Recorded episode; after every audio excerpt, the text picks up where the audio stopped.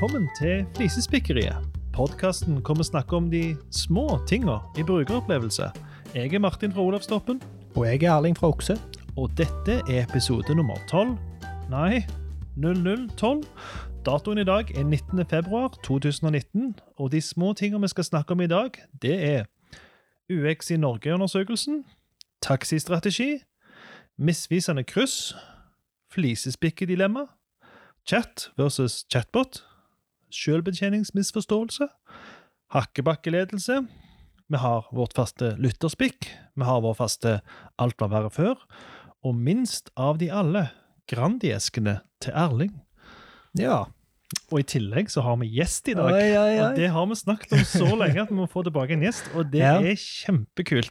Og, og det, det er en veldig spesiell gjest vi har òg i dag, men det kommer vi tilbake til snart. Først så må vi bare, som vanlig, minne om at hvis folk har tilbakemeldinger, eh, lytterspikk eller hva som helst, eller har lyst til å si noe til oss, så Mhm. har vi e-post hei et flisespikkeri.fm. Bare Mhm. måke på en der. Og der, øh, før du fortsetter Ja, det, Den siste vi fikk, ja den var veldig bra. det var jo helt Den fantastisk. Det var fra Lukas. Ja, Lukas Weil, som nå har blitt min kollega i Olavstoppen, by the Ja. way. Ja. Han eh, tok opp tråden med defibrillatoren vår i Ja, og nummer han eh, syns, som vi 011. òg syns, at det var utrolig morsomt med den drink. Ja, for greiene. han har jo funnet at dette var en drink. Og så har Ja. han eh, At det faktisk var en drink. At det faktisk var en drink som heter Ja. defibrillator et eller annet. Så det var jo veldig kjekt. Han, så- han tegnet en tegneserie til Ja, det, det var så kult. Så det var veldig kjekt. Tusen takk, Lukas. Mm. Ok, nå er det på tide å, å involvere gjesten vår. Mm. Og gjesten vår i dag det er intet mindre enn Lars Kristian Hære, som er psykolog.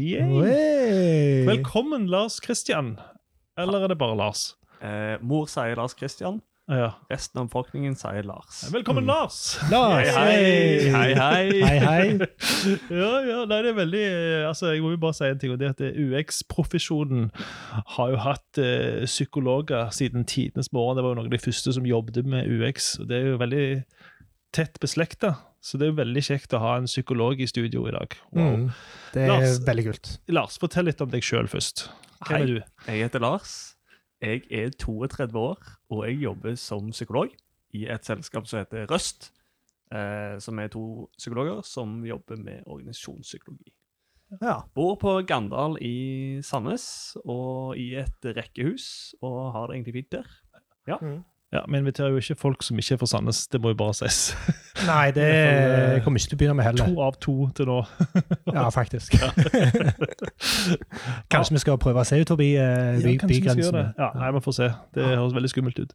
Ja. Men veldig kjekt å ha deg her, Lars. Og du skal være med og bidra med flisespikkeri utover sendingen. Oh yes, Så det blir bra. Det blir good. Jepp. Eh, og vi kan jo begynne. Du kan jo få lov til å begynne. For dette, vi har uh, UX i Norge 2018, Erling. Det er Ja, jo, det- har jo dere i Okser tok initiativ til og kjørt. Og nå Ja. er resultatene klare. Og Det er de.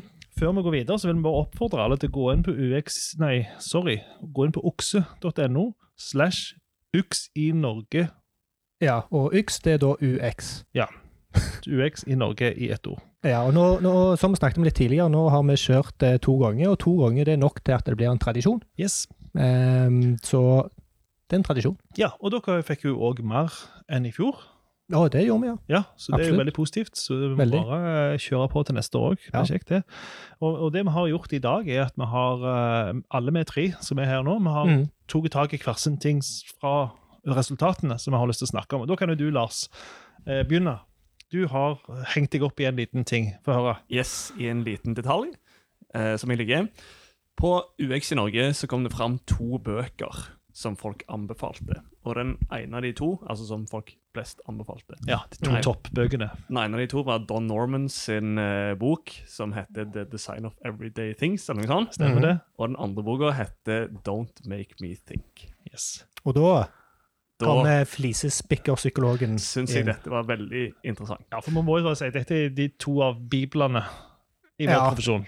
Ja, Bare ja, ty sagt det. ty tydeligvis òg, Ja. ifølge spørreundersøkelsen. Ja, ja, absolutt. Men det, det, jeg er ikke overrasket helt at de to kom så Nei høyt. Jeg har sjøl stemt opp den ene. Don't Make Me Think har jeg, eh, har Ja. jeg stemt opp i år. Ja. På. Nettopp. Men eh, Lars, hva det går i? Ja, nå har ikke jeg lest Don't Make Me Think. Så jeg vet ikke helt hva det handler om. Det kan vi sikkert klippe vekk. hvis du... Nei, det er, det er greit, jeg innrømmer det. Ja. Uh, men jeg tenker at UX handler kanskje vel så mye om Don't Make Me Feel, Mm, ja. som bare Don't Make Me Think. ja. Ja. Fordi det handler kanskje ikke om at uh, vi skal tenke minst mulig, og sånn, men det handler kanskje mye om å designe tjenester og opplevelser som ikke skaper disse dritfølelsene i folk. da. ja Frustrasjon og sinne osv. Så, videre. så jeg har litt lyst til å skrive en bok som heter Don't Make Me Feel. Åh, Oi, det bra. Ja, Ja. Som handler om akkurat dette her. Ja. Ja. Som, eh, som jeg tenker er liksom, Skal ikke gå veldig inn i detaljene i det, men mennesket er jo sånn drevet av følelsene sine. Ja. Mm. Og det der å designe ting som ikke vekker de følelsene i oss, vil gjøre at vi har lyst til å bruke det på ny. ja, men Mm. gode følelser, da. Det, det øker jo sannsynligheten for at vi har lyst til å bruke det på ny. Ja. Så kanskje den egentlig burde hete 'Don't make me feel bad', eller noe sånt, da, for, for å gjøre det enda bedre. Jo, men hvis du eh, Altså, eh, du har jo hatt et foredrag på Nå husker jeg aldri hvordan du skal uttale det, men Erling, kan ikke du si hva dette er? Konferansen. Yggdrasil. Yggdrasil. Ikke det jeg hadde tenkt, men ja. Det var, ikke- det var ikke sånn jeg uttaler det, men ja, takk. Hvordan du uttaler det? Det vil jeg ikke si. Uh, uansett uh, Yggdrasil. Yggdrasil? Yggdrasil. Yggdrasil. Ja, uansett.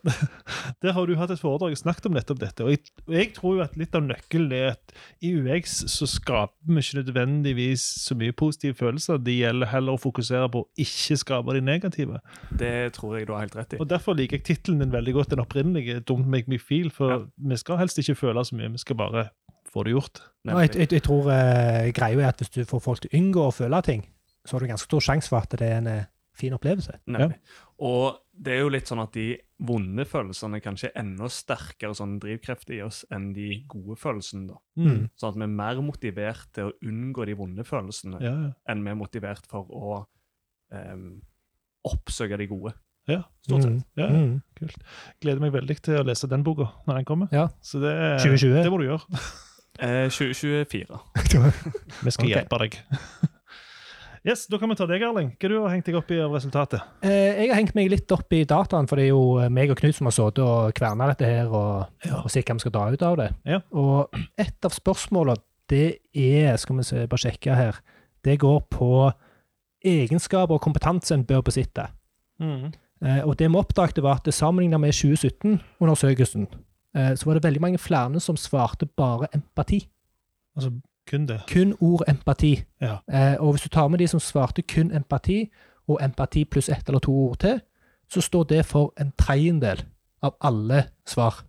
Ikke? Ja. Det, er, det er ganske sprøtt, og jeg mistenker det har noe med at det har vært mye fokus på at empati er den viktigste egenskapen til en UX-er osv. Mm.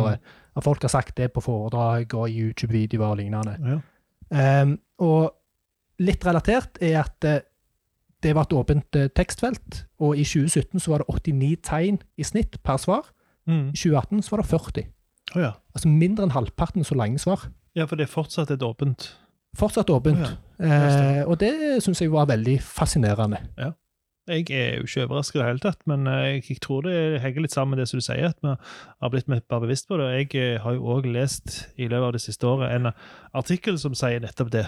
Jeg Ja. tror det var faktisk Norman Nilsen Group, Nettopp, ja. faktisk. Ja, Og Det kan ha noe å si, for jeg har selv holdt foredrag i Bouvet, og der har jeg snakket om at empati er den viktigste egenskapen. Det var nok hentet. Og jeg jeg er veldig enig i at empati er den viktigste egenskapen. Og vet du hva? Dette er litt interessant. For Lars, Tada! empati, ord empati, Hva det betyr for noe. hva det betyr, og bruker vi det rett? Ja, For det satt jo jeg og lurte på her. Hva er egentlig, hva legger disse som har svart til dette, i empati? da? Mm. Og fra et faglig ståsted så handler jo empati om det å kunne sette seg inn i andres opplevelse. Og kunne føle andres opplevelse. sant? Når Mm. skiller på empati og sympati, hvor sympati er mer bare det å intellektuelt eller mer sånn fornuftsmessig forstå det som skjer inni andre. Mens Mm. med empati så føler du det i tillegg. Det er sånn Mm. ekstra komponent i det. da. Ja, Men basert på den definisjonen så vil jeg si at eh, vi har brukt det helt rett her. Ja, altså jeg, eh, jeg kunne vært villig til å ta et standpunkt at det egentlig er sympati vi snakker om, for det har med em, en forståelse for at andre føler det på den måten. Eh, det er gjerne mer sympati, mens empati er å å være i stand til å føle det samme.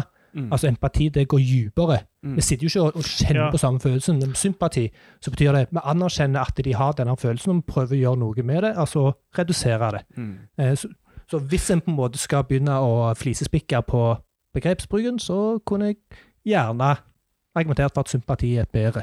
Jeg mener du kan argumentere for det, men jeg vil fortsatt si at det er empati det dreier seg om. For i hvert fall når jeg sitter, så prøver jeg så godt jeg kan å sette meg inn i hvordan brukerne opplever det som jeg lager. Det er jo klart det blir veldig farga av at du har lagd det sjøl, men det er jo hele tiden dreier seg om å prøve å forstå hvor vil de ha klekt feil, og hvordan, hvordan kan vi fikse det. Eh, liksom, du prøver å sette deg inn i det. Om du ikke alltid lykkes, så er det iallfall det jeg på en måte tilstreber, da. Men jeg er enig i at det, du kan Ja, der blande er, de to. der er, der er en flytende grense her. Ja, Eh, absolutt. Så, så interessant. Kan jeg få lov til å komme inn med litt mer flisespikk i Yes. det Selvfølgelig. Fra et faglig ståsted. Ja. Ja. Fordi i fagfeltet også ser vi at eh, vi beveger oss faktisk litt bort fra begrepet empati, og enda mer mot et begrep som vi kaller for mentalisering.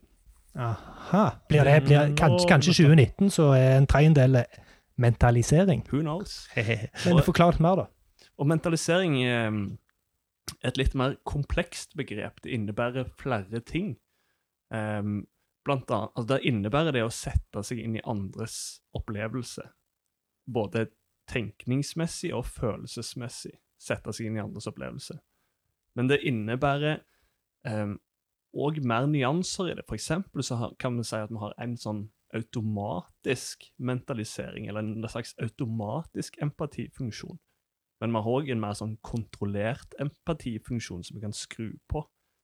Så greiene med mentalisering er at de har tatt liksom empatibegrepet, og så har de gått mer inn i det og Mm. forska mer på empati, og skjønt at empati er et for snevert begrep.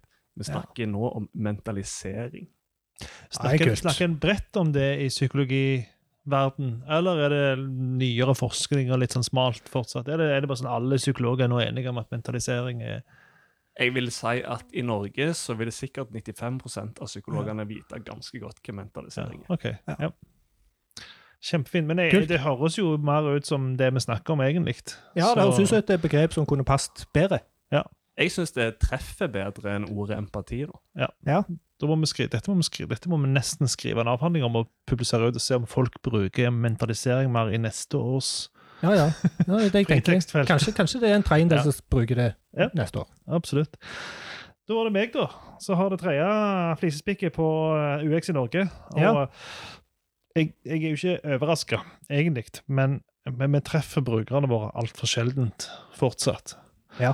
Eh, hvis vi ser på resultatene, så er det Skal vi se Noen ganger i uken som jeg da hadde håpet på, det er det 10 som Mm. svarer.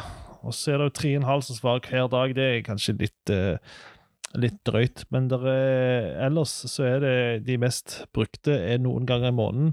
Veldig variabelt, det er greit nok, og noen ganger i året er 18,7% Så jeg er ikke overraska, men jeg er, jeg er dypt skuffa. Jeg skulle ønske vi hadde vært der at vi traff de mye Ja, oftere. og- Det er klart ikke alltid lar la seg være, men jeg tror faktisk jeg klarer å treffe brukere, eller folk som representerer brukerne.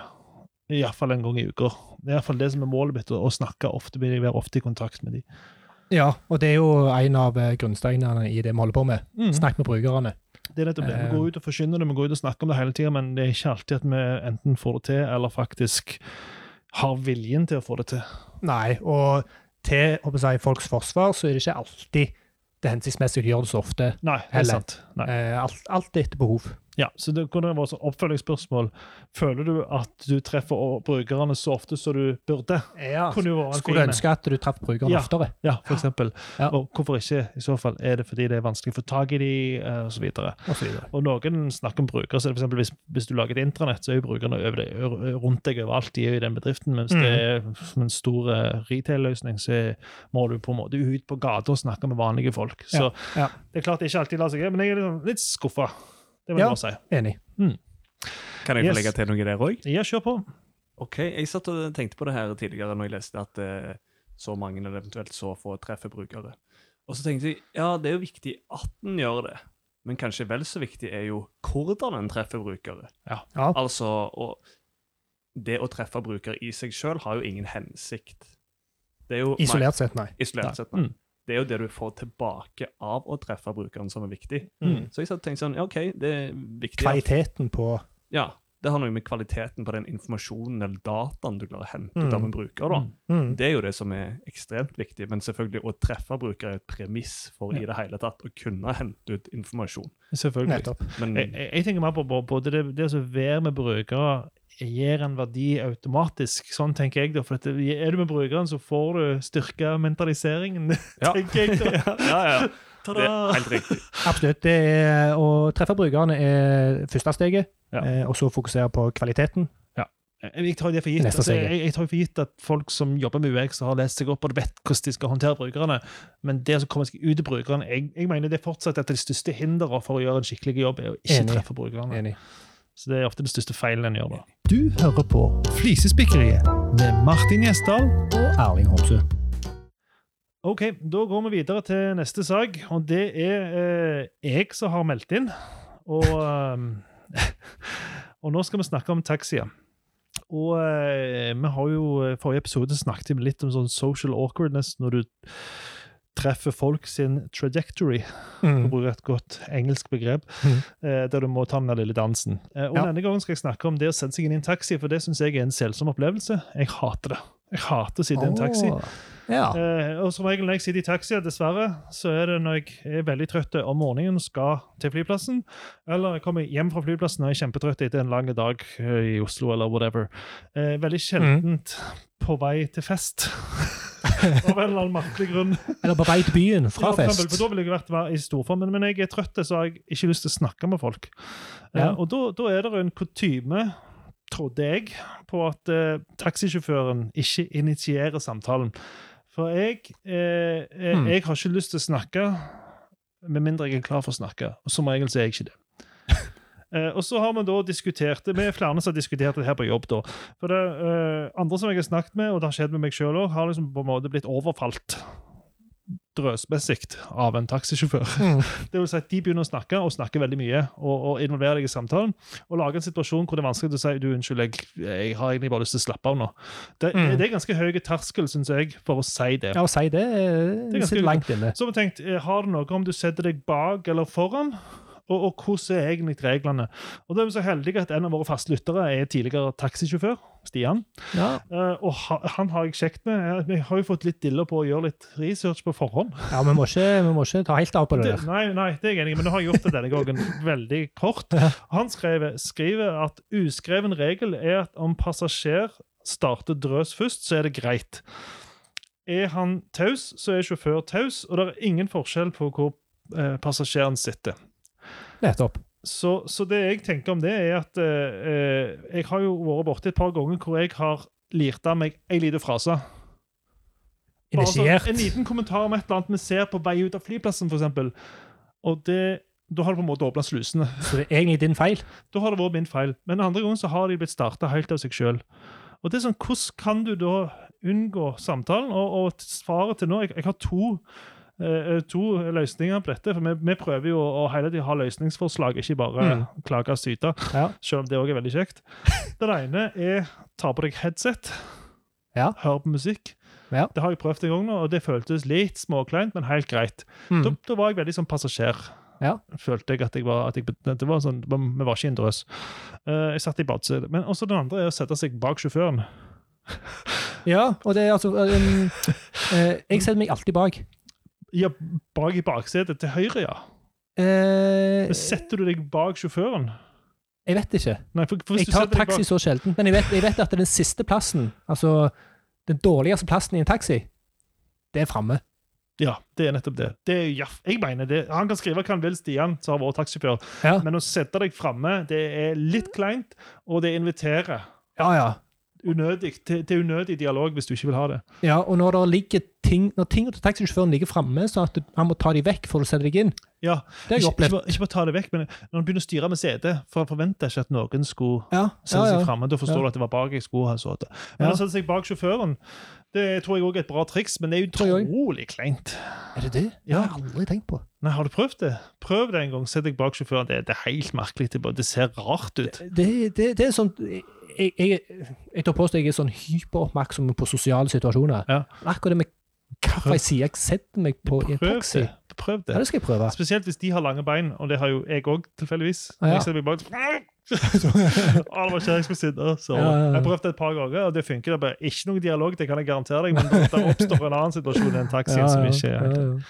Du hører på Flisespikkeri, en podkast om analoge og digitale brukeropplevelser. Nå skal vi over til vår gjest Lars. Og eh, du har uh, bitt deg ut på EasyPark, og i motsetning til meg og Erling, så bruker du Android. Stemmer det. Hmm. Yes. Og det har gitt en selsom opplevelse for høre. Stemmer.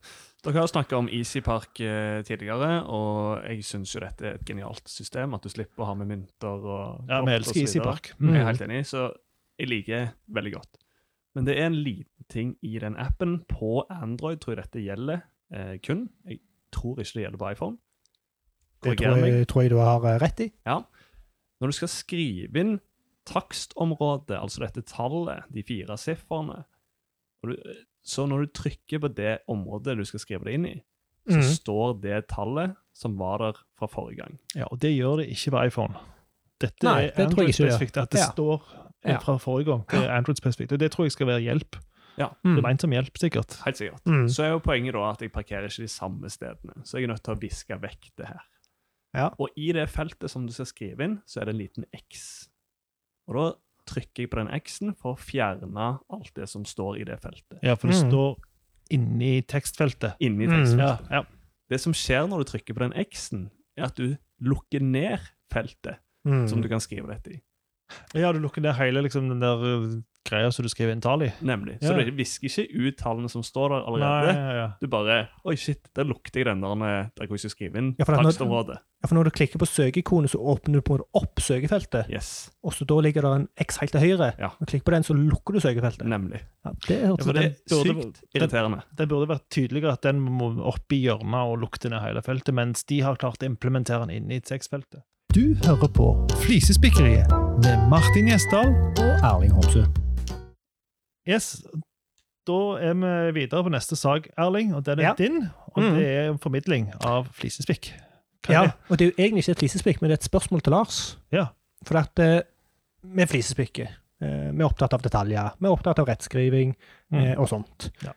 Um, og Jeg prøver ikke å være kverulant, da. Nei, jeg vet ikke helt hvor grensa går, men- er noe helt annet enn kverulering. Kverulering er jo at du unødvendig henger deg opp i ting, mens flisespikken er jo den faktiske feil som du bare Jeg mener jeg, da. ja, jeg tror kverulering er mer at du plent skal være uenige og liksom ja, kverulere på det. Ja. Eh, mens flisespikk det er bare å påpeke småting. ja. Driver dere flisespikk på kverulering og kverulering på flisespikk? Oh, nå blir det meta. Oi, oi, oi. Oh, Jøsses. Hele universet hele bare Ja, ja. implodert. men, eh, men det jeg lurte på, var eh, Hvis for eksempel noen har si, skrevet dokument eller eh, eh, lignende, som andre òg skal se, og så er det skrivefeil, type i filnavnet eller i tittelen eller noe sånt, hvordan, hvordan skal du gå fram, eller skal du i det hele tatt eh, påpeke feilen? Hva, hva kan du gjøre? kjempespennende. Dette, dette handler jo om veldig mange ting, da. Det første jeg kan si, er jo hvordan er relasjonen din, eller hvordan er eh, bekjentskapet ditt til denne personen som du skal Ja, la oss ta utgangspunkt i at det er en veldig fersk relasjon. mm. Og da er det jo spørsmålet hvor viktig er det for deg å beholde denne relasjonen, eller for eventuelt bygge en tett relasjon? For meg er alle relasjoner viktige. OK, ja, det var sagt. Nei, men ok, hvis, Jeg tror dette er veldig sånn individuelt. Det finnes ikke noen sånn fase. Det blir litt sånn etiske spørsmål som alltid skal være Mhm. forsiktige med å si at du skal enten gjøre sånn eller sånn. Folk Mm. må ta sine selvstendige valg. Det tenker jeg at vi ofte har det bedre med. Så, så om, du skal, om du skal si fra eller ikke, det tror jeg må tenke for seg sjøl. Og så må man ta en Mhm. avgjørelse. Og så er det kanskje litt om hvordan en skal si fra. Ja, for Hvis jeg da bestemmer meg for å si ifra, Ja. hvordan kan jeg, eh, eller må jeg pakke det inn, eller er det, eh, er det bare å være rett fram og si det direkte, eller Med sånn kommunikasjonsmønster så skiller vi av og til mellom fire forskjellige typer. da. Ja. Eh, og det første er unnvikende. Mm. det er unnvikende betyr egentlig at du ikke sier det fra. Sant? Så det er jo et kommunikasjonsmønster som handler om å la være å si fra. Mm. Det andre mønsteret er passiv-aggressiv. Mm. Så da kommer du gjerne med et lite sånn stikk. sant? Og det er en dårlig måte å si fra på, for det vekker ofte frustrasjon i den som blir mottakeren av budskapet. da. Ja. Sant? Så det er heller ikke å anbefale. Den tredje måten å si fra på eh, er en eksplosiv måte. Og det vil si at eh, Det høres voldsomt ut. det er stort sett ikke så veldig bra, det heller. Nei. Du går inn og sier 'hva i helvete er det du har skrevet her for noe?' Hva slags Ja. dustete måte er dette å skrive på? Sant? Ja. Heller ikke så veldig bra. Rett på utskjelling. Ja. Den fjerde måten, som er den hensiktsmessige måten, da, det er det Ja. som vi kaller for vel, tydelig, kaller vi det for. Eller Ja. selvhevdende, kan du også si. Det er en sunn måte å gi uttrykk for ting på. Det Hvorfor heter, hvorfor heter det selvhevdende? Ja, det, det det Det hørtes ikke veldig positivt ut. nei, ja, i, Nei. i mine ører så er selvhevdelse veldig positivt. Det er sunt Ja. for oss å drive med selvhevdelse. Okay. Selvhevdelse betyr Aha. at du gir uttrykk for det du opplever inni deg. Ah, ja. Så hvis Ja. du opplever en slags frustrasjon med det, eller opplever at dette er viktig, Mm. at du ønsker å gjøre det, så er det sunt å gi uttrykk for det. Det er jeg som heter Brené Brown, som noen kanskje har hørt om, sier 'clear is kind'. Altså tydelighet er òg snilt. Ja, har, du, har du hørt mye? Så er det jo det at um, folk vil reagere ulikt, da. Ja. Vår evne til å ta til seg uh, feedback er individuell. Ja. For noen så går det rett på selvfølelsen deres, og da blir de sinte og forbanna. og kaller det Lei. dust. Lei kan også bli. Ja. Eh, For andre så blir vi glade for det. Altså, Ja. Takk for at du ga meg denne tilbakemeldingen. Jeg hadde ønsk, brennende ønske om å forbedre meg. Ja. Det handler av og til litt om hvor trygge vi er i oss sjøl. Desto tryggere vi er i oss sjøl, desto mer åpne for den type feedback hjemme. Ja. Så denne personen, da, hvis det var en spesifikk person du tenkte på, så, så er det jo vanskelig for meg å stå her og si bør du gjøre det, eller bør du ikke gjøre det. Det er litt Ja. sånn at det er veldig personavhengig, og det er òg kommunikasjonstype avhengig. ja. Og det, det kommer an på hvem jeg vil framstå som, og hvordan jeg tror vedkommende mottar budskapet. Nemlig. Jeg må mentalisere Men, ah, mentalisere hvordan det blir mottatt. Yes. Ja. Veldig bra. Jeg vil, si, jeg vil bare si en viktig ting der, og det er eh, noe som er, som er veldig relevant, og som vi jobber med hele tida når det kommer nye folk på jobb, både i Olavstoppen og Bouvet. Så Mhm. prøver vi å få de til å ikke drive og sende ting elektronisk hele tida. For med en gang du skriver, hvis du hadde skrevet til denne personen som du ikke har en Ja. relasjon til, eller en fersk relasjon til, da, Ja. eh, så kan det misforstås så enormt. Vi har jo snakket om det tidligere. sant? Mm. Noen tar det opp i verste mening, noen tar det opp i beste mening, men du vet Mm. aldri. Så vi Mm. prøver liksom å få folk, eh, hvis det er noen andre i Bouvet, gå ned til dem og si det rett til dem. Eller ta opp telefonen. Og så, men, mens, Ja. men mange av de ferske liksom bare helt om å gjøre og så sende ting på Slack eller sende ting på mail elektronisk for å slippe å Mhm. snakke med folk. Så det Mhm. tror jeg faktisk er noe av det viktigste her, er at du faktisk sier det face to face, for da får du med hele den kommunikasjonspakken, som ikke er bare det du sier, men hvordan du sier det, hvilket ansiktsuttrykk du har det, Mm. og, og, du, og du kan òg få reaksjonen umiddelbart tilbake igjen. Okay, Mm. hvordan de vet hvordan det er, Så kan Mm. du gjøre sånn Så mitigating actions da, hvis tilfellet Ja, ja. det, ser ut til å gå drit. da. Ja, ja. Så det, det var jo Når vi snakket om dette, så var det mitt råd. Bare gå og si det rett som det. Rett på. Jeg hadde lyst til å si amen til det du sa nå. Jeg er, jeg er veldig enig til det å, å gå og ta det face to face. Eller. Mm. Og det vet vi fra forskning òg, at det bygger relasjoner. Ja. Og styrke relasjonen mellom dem. Ta det ansikt til ansikt eller over, istedenfor over mail eller Slack. Ja, eller. og, Mm. og telefon er second best. Sant? Heller telefon enn de andre elektroniske kanalene. for Det kan misforstås opp. Og spesielt er det forskjell på generasjoner der. Det Mm. har jeg sett. Når jeg ser folk som er nærmer seg pensjonistalder, som går på Facebook og skriver ting, så skriver de på en helt annen måte enn folk som er vår alder og nedover. De, de, har liksom, de har ikke tatt inn over seg eh, hvilket skriftspråk du skal bruke for å virke avvæpnende. Så Nei, de for- er utrolig sånn, kategoriske og Jeg skal ikke si alle det, altså, men mange av de er veldig kategoriske og spisse måten de skriver på ja, Facebook. og der er, der er mor mi, som er noe 60. Mm. Eh, hun er i den kategorien. Ja. For det at eh, hvis du sender melding det er, det er middag i dag, eh, vil du ha? Mm. Eh, og så sender jeg tilbake Nei, jeg kan ikke i dag. Så får jeg svar tilbake igjen. OK, Ok, punktum. Det har vi snakket om tidligere. Du, hallo? Hallo? OK, vi skal på chatboter. Vi skal snakke om chatboter, og det har vi gjort før. Ja. Og mitt flisespikk er egentlig ikke så veldig mye om selve chatboten. Det er mer om hvordan du informerer når du har en chatbot istedenfor en vanlig chat. Mm. For det er flere og flere som har chat, der du kan chatte med faktiske folk. Mm. Og så er det mange av de som har eh, istedenfor det har en chatbot. Og så er det noen som har en chatbot, tar over klokka da og da når de på kundeservice har gått hjem osv. Så, videre. Mm. så eh, noen ganger så Og dette dreier seg om forventninger. For jeg har et eksempel fra en site her. Eh, det er en bank, jeg skal ikke si hvilken, men der står det 'chat med oss'. Vi hjelper deg døgnet rundt. Og så er Ja. det en knapp der det står 'start chat'. Mm. Da ville jo jeg sagt at da forventer jeg å, å finne en person på baksida. Og, det- og det er ganske stor Enig. forskjell, syns jeg. For hvis det er en chatbot, så er det enkelte ting jeg ikke kan spørre om. Enkelte ting jeg ikke kan snakke om. Uh, I tillegg så må jeg formulere meg på en spesiell måte, for jeg har lært at chatbotene ikke det er ikke Mm. noe AI, akkurat. Mm. Så, så chatbotene de, må, de er skripta, og du må prøve å treffe skriptet. Mens hvis det er en person, så er det noe helt annet. Da får jeg en annen type hjelp. Jeg sier ikke at chatboter er negativt, Mm. men det er bare en annen måte. Og, og i dette tilfellet her så møter du en chatbot på det som jeg sa. Altså chat Ja. med oss. Er på Ja, ja. overskrifta. Da hadde jeg forventa å finne en person, men i stedet for så får jeg en chatbot. Mm. Og Det er, altså, det er flisespikket mitt. det er bare at Vær nå tydelige på at det er en chatbot bak der. Ja. Og, og mange har bare en sånn liten uh, snakkeboble nede til høyre. og Det er helt greit. Da kan det være Ja. hva som helst, Du setter ikke noen forventninger. Hvis du da klikker på den, så sier de hei, jeg er en chatbot, jeg kan hjelpe deg masse. Så, ok, fint, greit. Mm. i dette tilfellet her, så syns jeg faktisk det er litt dårlig gjort å bare si chat med oss. For du forventer å finne en person, og så får du en chatbot. Helt enig. Eh, og det er jo dette mye av eh, kritikken, eh, i hvert fall min, går på. Ja. Hva forventninger brukeren har. Ja. Her skaper du helt feil forventninger Ja. til den opplevelsen de Stemmer skal i gang med. Og apropos chatbot, så hadde jeg en eh, opplevelse med en chatbot med en bank her. Jeg har ikke mm. lyst til å si at det var DNB, men det var det. DNB er greit, for de er så store. Ja. Så jeg trengte en bekreftelse på at et kontonummer eh, var eid av organisasjonen vår, Mm. og så skrev jeg dette inne på chatbot-chatten. da. Hva skrev du cirka?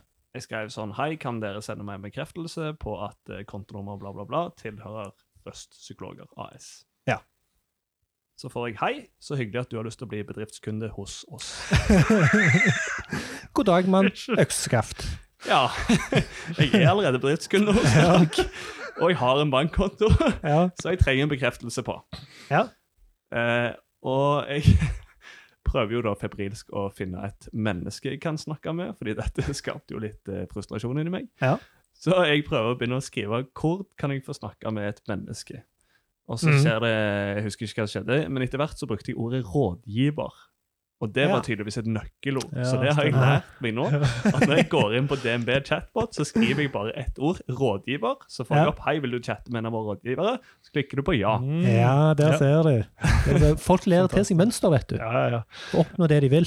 Ja, men, men jeg må bare si en annen ting også, at Chatbot er jo fortsatt relativt nytt, og ingen kan forvente at en nyansatt kan alt med en gang. Så det, er, det må være et visst rom for, uh, for feil hos de òg.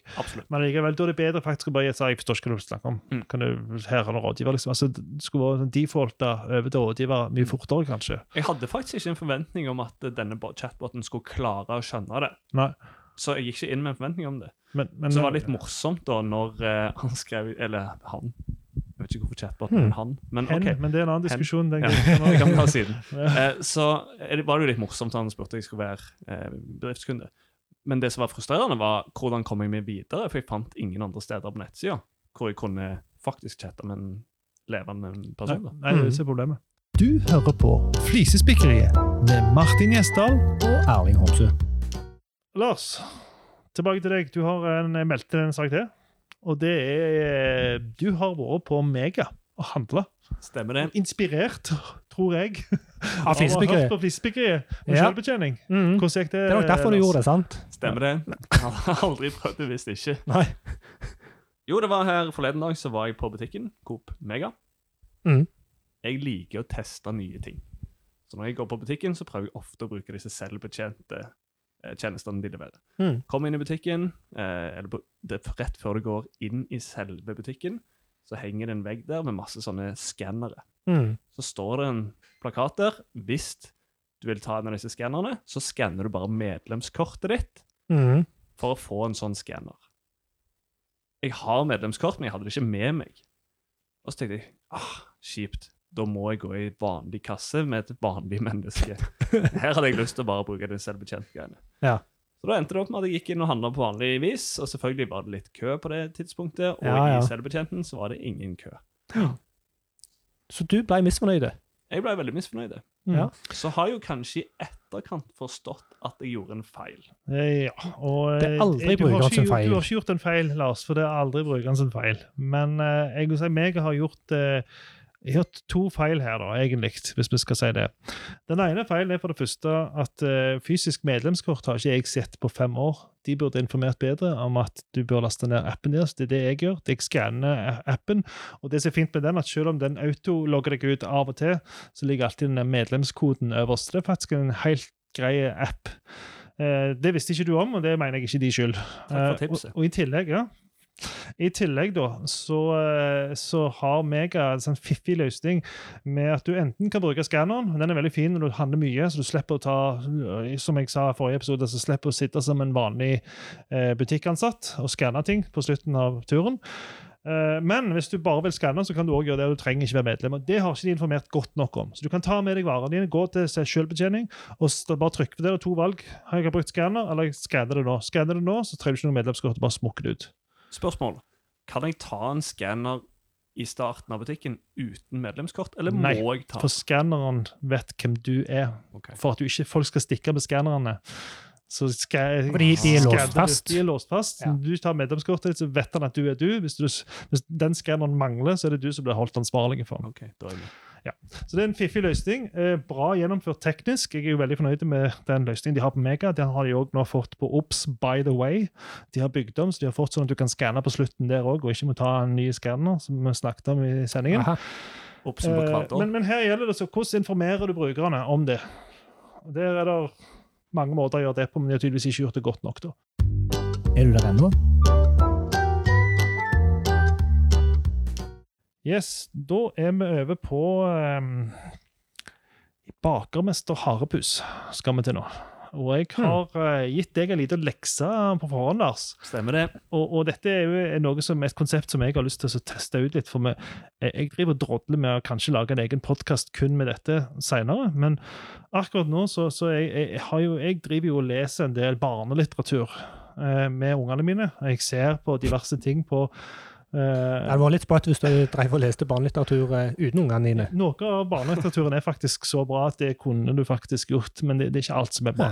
Og jeg må bare si, Nå, nå, det, nå, det, nå skal vi til Hakkebakkeskogen, Torbjørn Egner. Mm. Uh, og vi skal tilba langt tilbake i tid, 50-tallet, tipper jeg, cirka han skrev dette.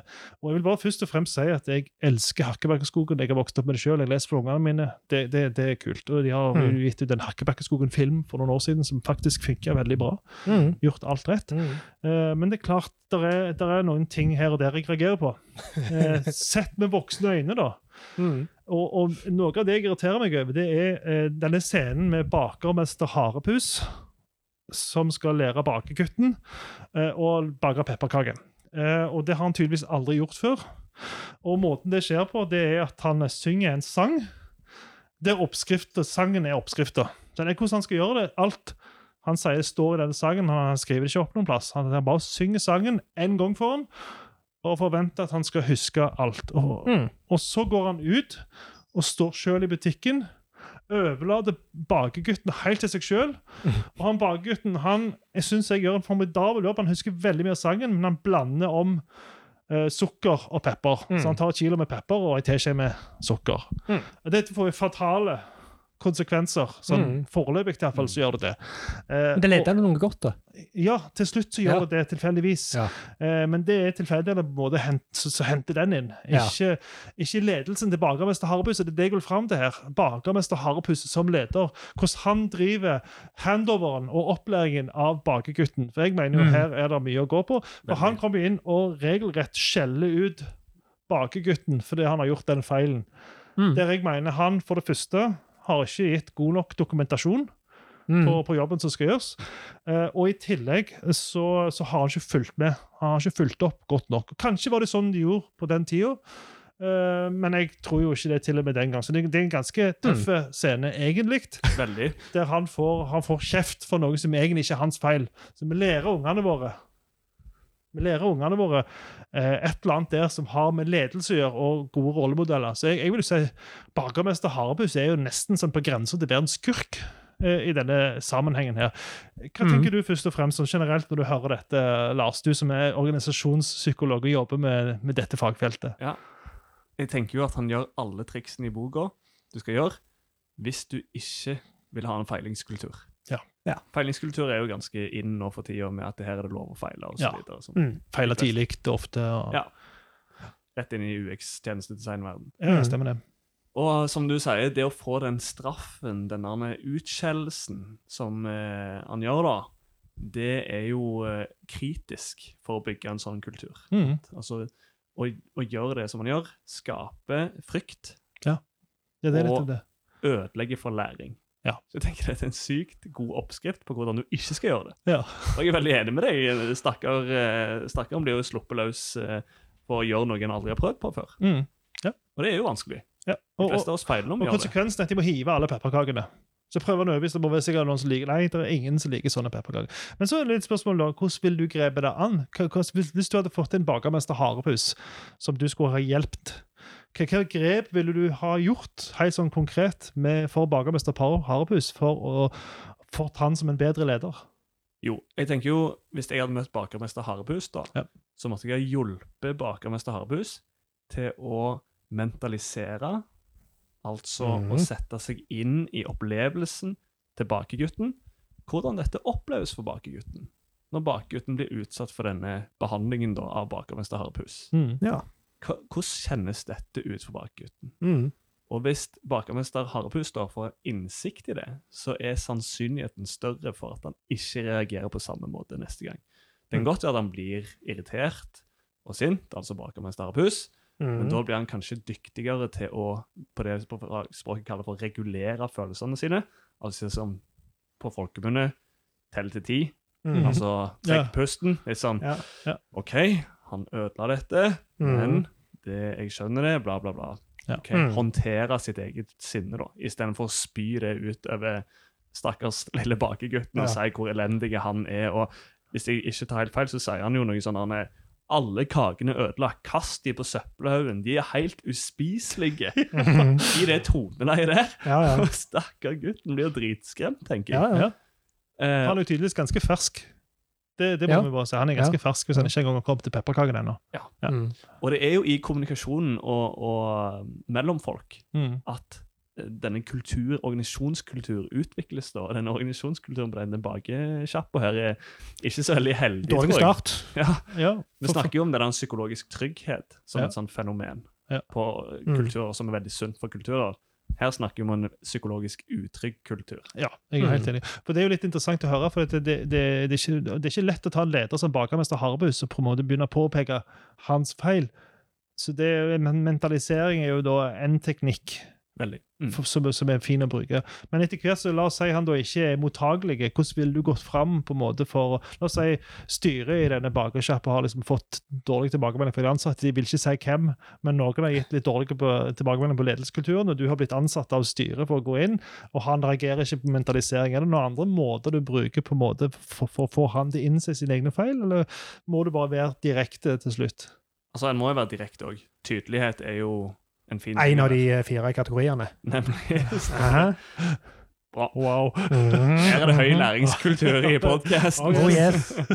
så, så det å være tydelig er jo en fin ting. Men eh, en trenger ikke være eksplosiv og stygg og liksom si 'herregud, hva er det du holder på med, din idiot', ser du ikke at du påvirker en sånn og sånn? Mm. Mm.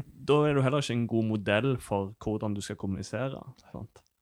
Mm. Sånn at det, det å være tydelig er, er sunt. tenker jeg. Det er også et annet triks. Men så er det jo sånn at av og til så er endringskapasiteten til noen veldig lav. Ja. Og det finnes jo andre grep en kan gjøre, og i visse tilfeller så må en jo gjerne bare bli kvitt folk. Ja, du hadde en ting til. Ja, og det går jo videre, den historien, da. Jeg vet ikke om du skulle si videre nå? Nei, jeg hadde tenkt å avslutte, men veldig gjerne. Jeg, jeg elsker å snakke om dette. Ja, og jeg jeg hørte jo videre at de prøver å lure denne reven da til å kjøpe ja, disse kakene, pepperkakene med gysla mye pepper i. Mm. Og så satt jeg og tenkte, hva slags moralsk rollemodell er bakermester Harepus for bakgutten? Mm. Han, gjennom kommunikasjonen han gjør da, gjennom å gjøre disse handlingene, Mm. er jo ganske kraftig. Ja. Han sier jo basically at her er det greit å lure folk. I denne butikken så kan vi gjøre det. Ja, Ja. uh, objection, your honor. Jeg vil jo si at eh, Du må jo ta som utgangspunkt at reven blir sett på som 100% ond. Det må jo litt av forutsetningen. Så jeg tror nok I barnelitteratur så skiller en veldig, altså har veldig klart svart-hvitt-skille på snill og ond. Mm. Og i dette tilfellet her, foreløpig, jeg skal ikke røpe for mye for de som ikke har hørt hele Hakkebakkeskogen, men foreløpig, så er reven 100% ond, og han oppfører seg òg deretter når han kommer inn. Jeg tror på en måte det som rettferdiggjør litt oppførselen ø, deres overfor reven i dette tilfellet her. Jeg tenker det er grunnlaget, men fra mitt faglige ståsted da, så stiller jeg spørsmålstegn med om ondskap i sin rene form egentlig finnes. Og jeg tenker at det kanskje handler om manglende mentalisering av denne stakkars reven. da. Ja. Og hvis at bakermester Mm. Heller hadde hjulpet bakegutten å mentalisere reven, hvorfor reven er på dette viset, da, så ville Mhm. gjerne det ha bare styrka eh, bakegutten sin evne til å håndtere kunder, og Ja. eh, bakegutten Mm. sin evne til å håndtere eventuelt nye kollegaer, Ja. osv. Og der vil jeg Mm. jo si barnelitteraturen i dag er mye mer såkalt politisk korrekt på det området enn han var før. Ja. For det kom jo også fram at reven i dette tilfellet var ganske sulten. Sant. Eh, Men en annen ting som, som bakermesteren skal ha for, det er at han gir massiv skrøyd til bakegutten når han kommer med dette påfunnet for å lure reven. Så får han, han får kred for det på slutten, da. Så han henter seg på en måte litt inn igjen, bakermesteren her. Eh, Mot slutten av denne her lille episoden. Men jeg mener han har gjort såpass grove feil tidligere at det, det veier ikke helt opp for det han har gjort. Men det er liksom, sånn, eh, er det bare med gammel barnelitteratur, at det er litt skrudd på, på disse altså En hadde ikke på den tida så modna fram eh, hvordan en skulle eh, Så tydelige etiske retningslinjer. Ja, ikke sant? Nemlig. Takk. Utviklingspsykologien var på et annet stadie enn Ja, i dag. Vi vet også. mer om hvordan eh, barnehjernene formes, og hva som er sunt for barn, og, Og- hva som er usunt for barn og voksne. Og hvis dere er interessert i skrudd barnelitteratur, så må dere lese Aesops fabler. Det er fucked up. Spennende. Takk for Notert. tipset. Du hører på Flisespikkeri, en podkast om analoge og digitale brukeropplevelser. Da er det på tide å gå over til eh, episodens eh, lytterspikk. Ja. Erling, den har du Ja, ja. kontroll på. Den har jeg kontroll på. Det er Per Boman. Det er en svenske, rett og slett. Ehm, og han hadde en veldig fin observasjon som jeg ikke har tenkt på. For når du ser på TV med fjernkontroll, mm. så skal du søke etter et eller annet, f.eks. en film eller en TV-serie eller noe sånt. Eh, så får du opp et felt, og så får du opp et tastatur, gjerne. Og det han har sett, er forskjellen med disse tastaturene. Mm. For hvis du har bokstavene på én linje, og Ja. du skal bla til en bokstav, Ja. så kan du kun gå sidelengs. Ja. Motsetning til f.eks. fire ganger fire, eller hva det blir mer enn det, da. Eh, fire ganger sju, eller noe sånt. Så kan du gå opp og ned og til sides, Ja. som jo går veldig mye fortere. Gjør det det? Definitivt. Ok. Det er hvis du har klikk for klikk, ja. Ja, for du, du klikker, du må, må du bla deg til Ja. den nettbokstaven. ja for jeg har sånn touchkontroll til Apple på den ene Apple-TV-en her. Ja. Og der går det faktisk mye fortere sidelengs, for da slipper jeg å gå liksom i et mønster opp og ned Ja, for den er, den er ikke nøyaktig nok, kanskje. Nei, så den har ikke klikk, klikk, klikk, klikk, klikk, klikk, klikk, Nei, klikk, klikk, nei, for det har, jeg på, det har jeg på min eh, TV, Ja. at jeg klikker. ja. Mm. Um, og da det, går det veldig mye fortere å kunne gå opp og ned, høyre venstre. Du, hallo. Hallo? Da skal vi over til neste spalte. Mm. Alt var verre før. Ja. Og eh, nå skal vi til spoling, som jeg vil tro at de fleste ikke har forholdt seg til på år og dag. Nei, jeg tror det er en Og- hel generasjon som eh, nesten ikke kjenner til konseptet. Nei, stemmer det. Og jeg husker jo spesielt eh, to ting jeg husker fra det. Det ene er at når vi leide videofilmer på videosenteret, så sto det alltid sånn svært klister på Mm. 'Husk å spole filmen tilbake før du leverer den inn'. Mm. Eh, for ellers måtte videosenteret gjøre det. Mm. Og den andre er at det, det sleit veldig på kassettene. Og noen ganger så hadde vi kassettspillere med batteri. Da brukte du batteriene veldig mye med spoling. Så det er så, Hvis du skulle hoppe til neste sang og spole, så var det første det hasselet med å treffe riktig. Ja. Og så var det det at du sleit på både kassetten og eventuelt Ja. batteriet på. Og jeg husker spesifikt fra søster til en kompis som eh, ga streng beskjed om at du ikke måtte spole mens du så på. Altså spole Ja, mens han spilte, Ja, spilte, for det sleit ja. mer på Oh, yes, kassetten. Yes. Det hørte jeg òg. Og jeg hadde en kompis som eh, kakte lillebroren sin i hodet når han spolte med, spolte med den kassettspilleren, men det er greit. Poenget er bare at eh, etter CD kom, så, så har, har man glemt helt av det. Nå, Ja. nå skifter vi spor. Vi har jo ikke CD engang lenger. Men vi har jo filma det med skifter spor. Eh, vi hopper fram og tilbake. Og men, Spalta vår dreier seg om å sette pris på at ting har blitt bedre, og på Mm. det området der så vil jeg definitivt si det har blitt bedre. Nå skal det sies at før kassettene så hadde vi LP-plate der du sånn halv, kunne ta den der nåla og sånn halvveis Ja, treffe som faktisk var litt bedre. ja, faktisk var litt bedre på Ja, akkurat det området. akkurat der. det, Ja. ja. Så kan hoppe rett på en sang. Noen påstår at eh, lyden er bedre enn CD. Ja, og det, Den diskusjonen skal vi iallfall ikke ta. Okay. Men vi kan i hvert fall si at det å hoppe spor var enklere med LP, men etter CD så er det bare sånn Der vil vi aldri tilbake igjen. Nei. Du hører på Flisespikkeri, en podkast om analoge og digitale brukeropplevelser. Da, Erling, siste post. Ja. Grandieska, Hva skjer? Ja, som, eh, som noen kanskje har fått med seg, så er jeg jo eh, lykkelig skilt. Eh, og det betyr at eh, det, ma- tror jeg, ma- det har vi fått med oss. Ja. eh, det betyr at eh, maten jeg spiser, gjerne har endra seg litt. Eh, og jeg skal innrømme at det er et par eh, Grandia i frysen, for det er gyselig greit å ha. Ja. Um, jeg må jo òg nevne at jeg spiser faktisk overraskende lite Grandi. Jeg trodde jeg skulle spise mer, Mm. men uh, jeg har de. ja. Og det jeg har du, føler, du føler det følger med, og må ha Grandi i frysen. Ja, og det er jysla greit. Ja. Det er litt sånn når du er litt, litt, litt sulten på kvelden der han er, og ikke gidder å lage noe mat, hiver en Grandi i ovnen. Perfekt. Ja, det, er men brød, det det- er brødet jeg tenkte jeg må, men det er greit. Ja. Ja, hvis du ikke har lyst på brød, da. Eh, men det jeg har merka meg, det er at eh, eskene er forskjellige. Jaha. Ja, For noen av eskene har den der lille halvmånen, Ja, ja, Halvsirkelen. Ja, så du klemmer ned, og så Mm. drar du ut. Så har du den stipla linja som Ja, ja, ja. gjør det veldig fint og enkelt.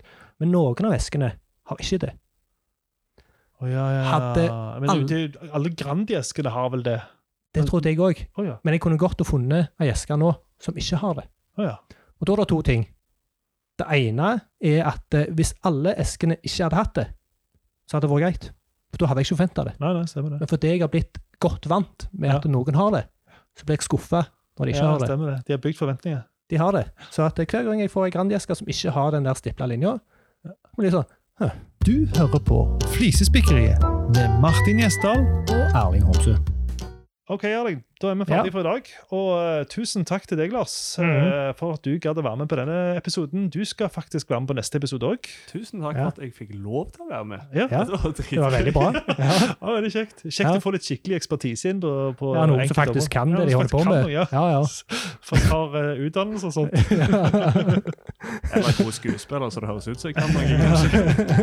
Eh, Da avslutter vi for i dag. Ja. Eh, tusen takk til Lars, som sagt. Ja.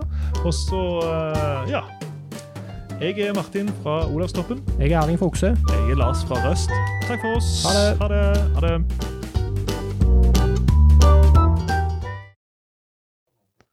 Bakegutten. Jeg tror ikke han heter noe annet. Ja. Nei, han gjør ikke det. Ja, jeg har sjekket opp. Han heter bare Bakegutten.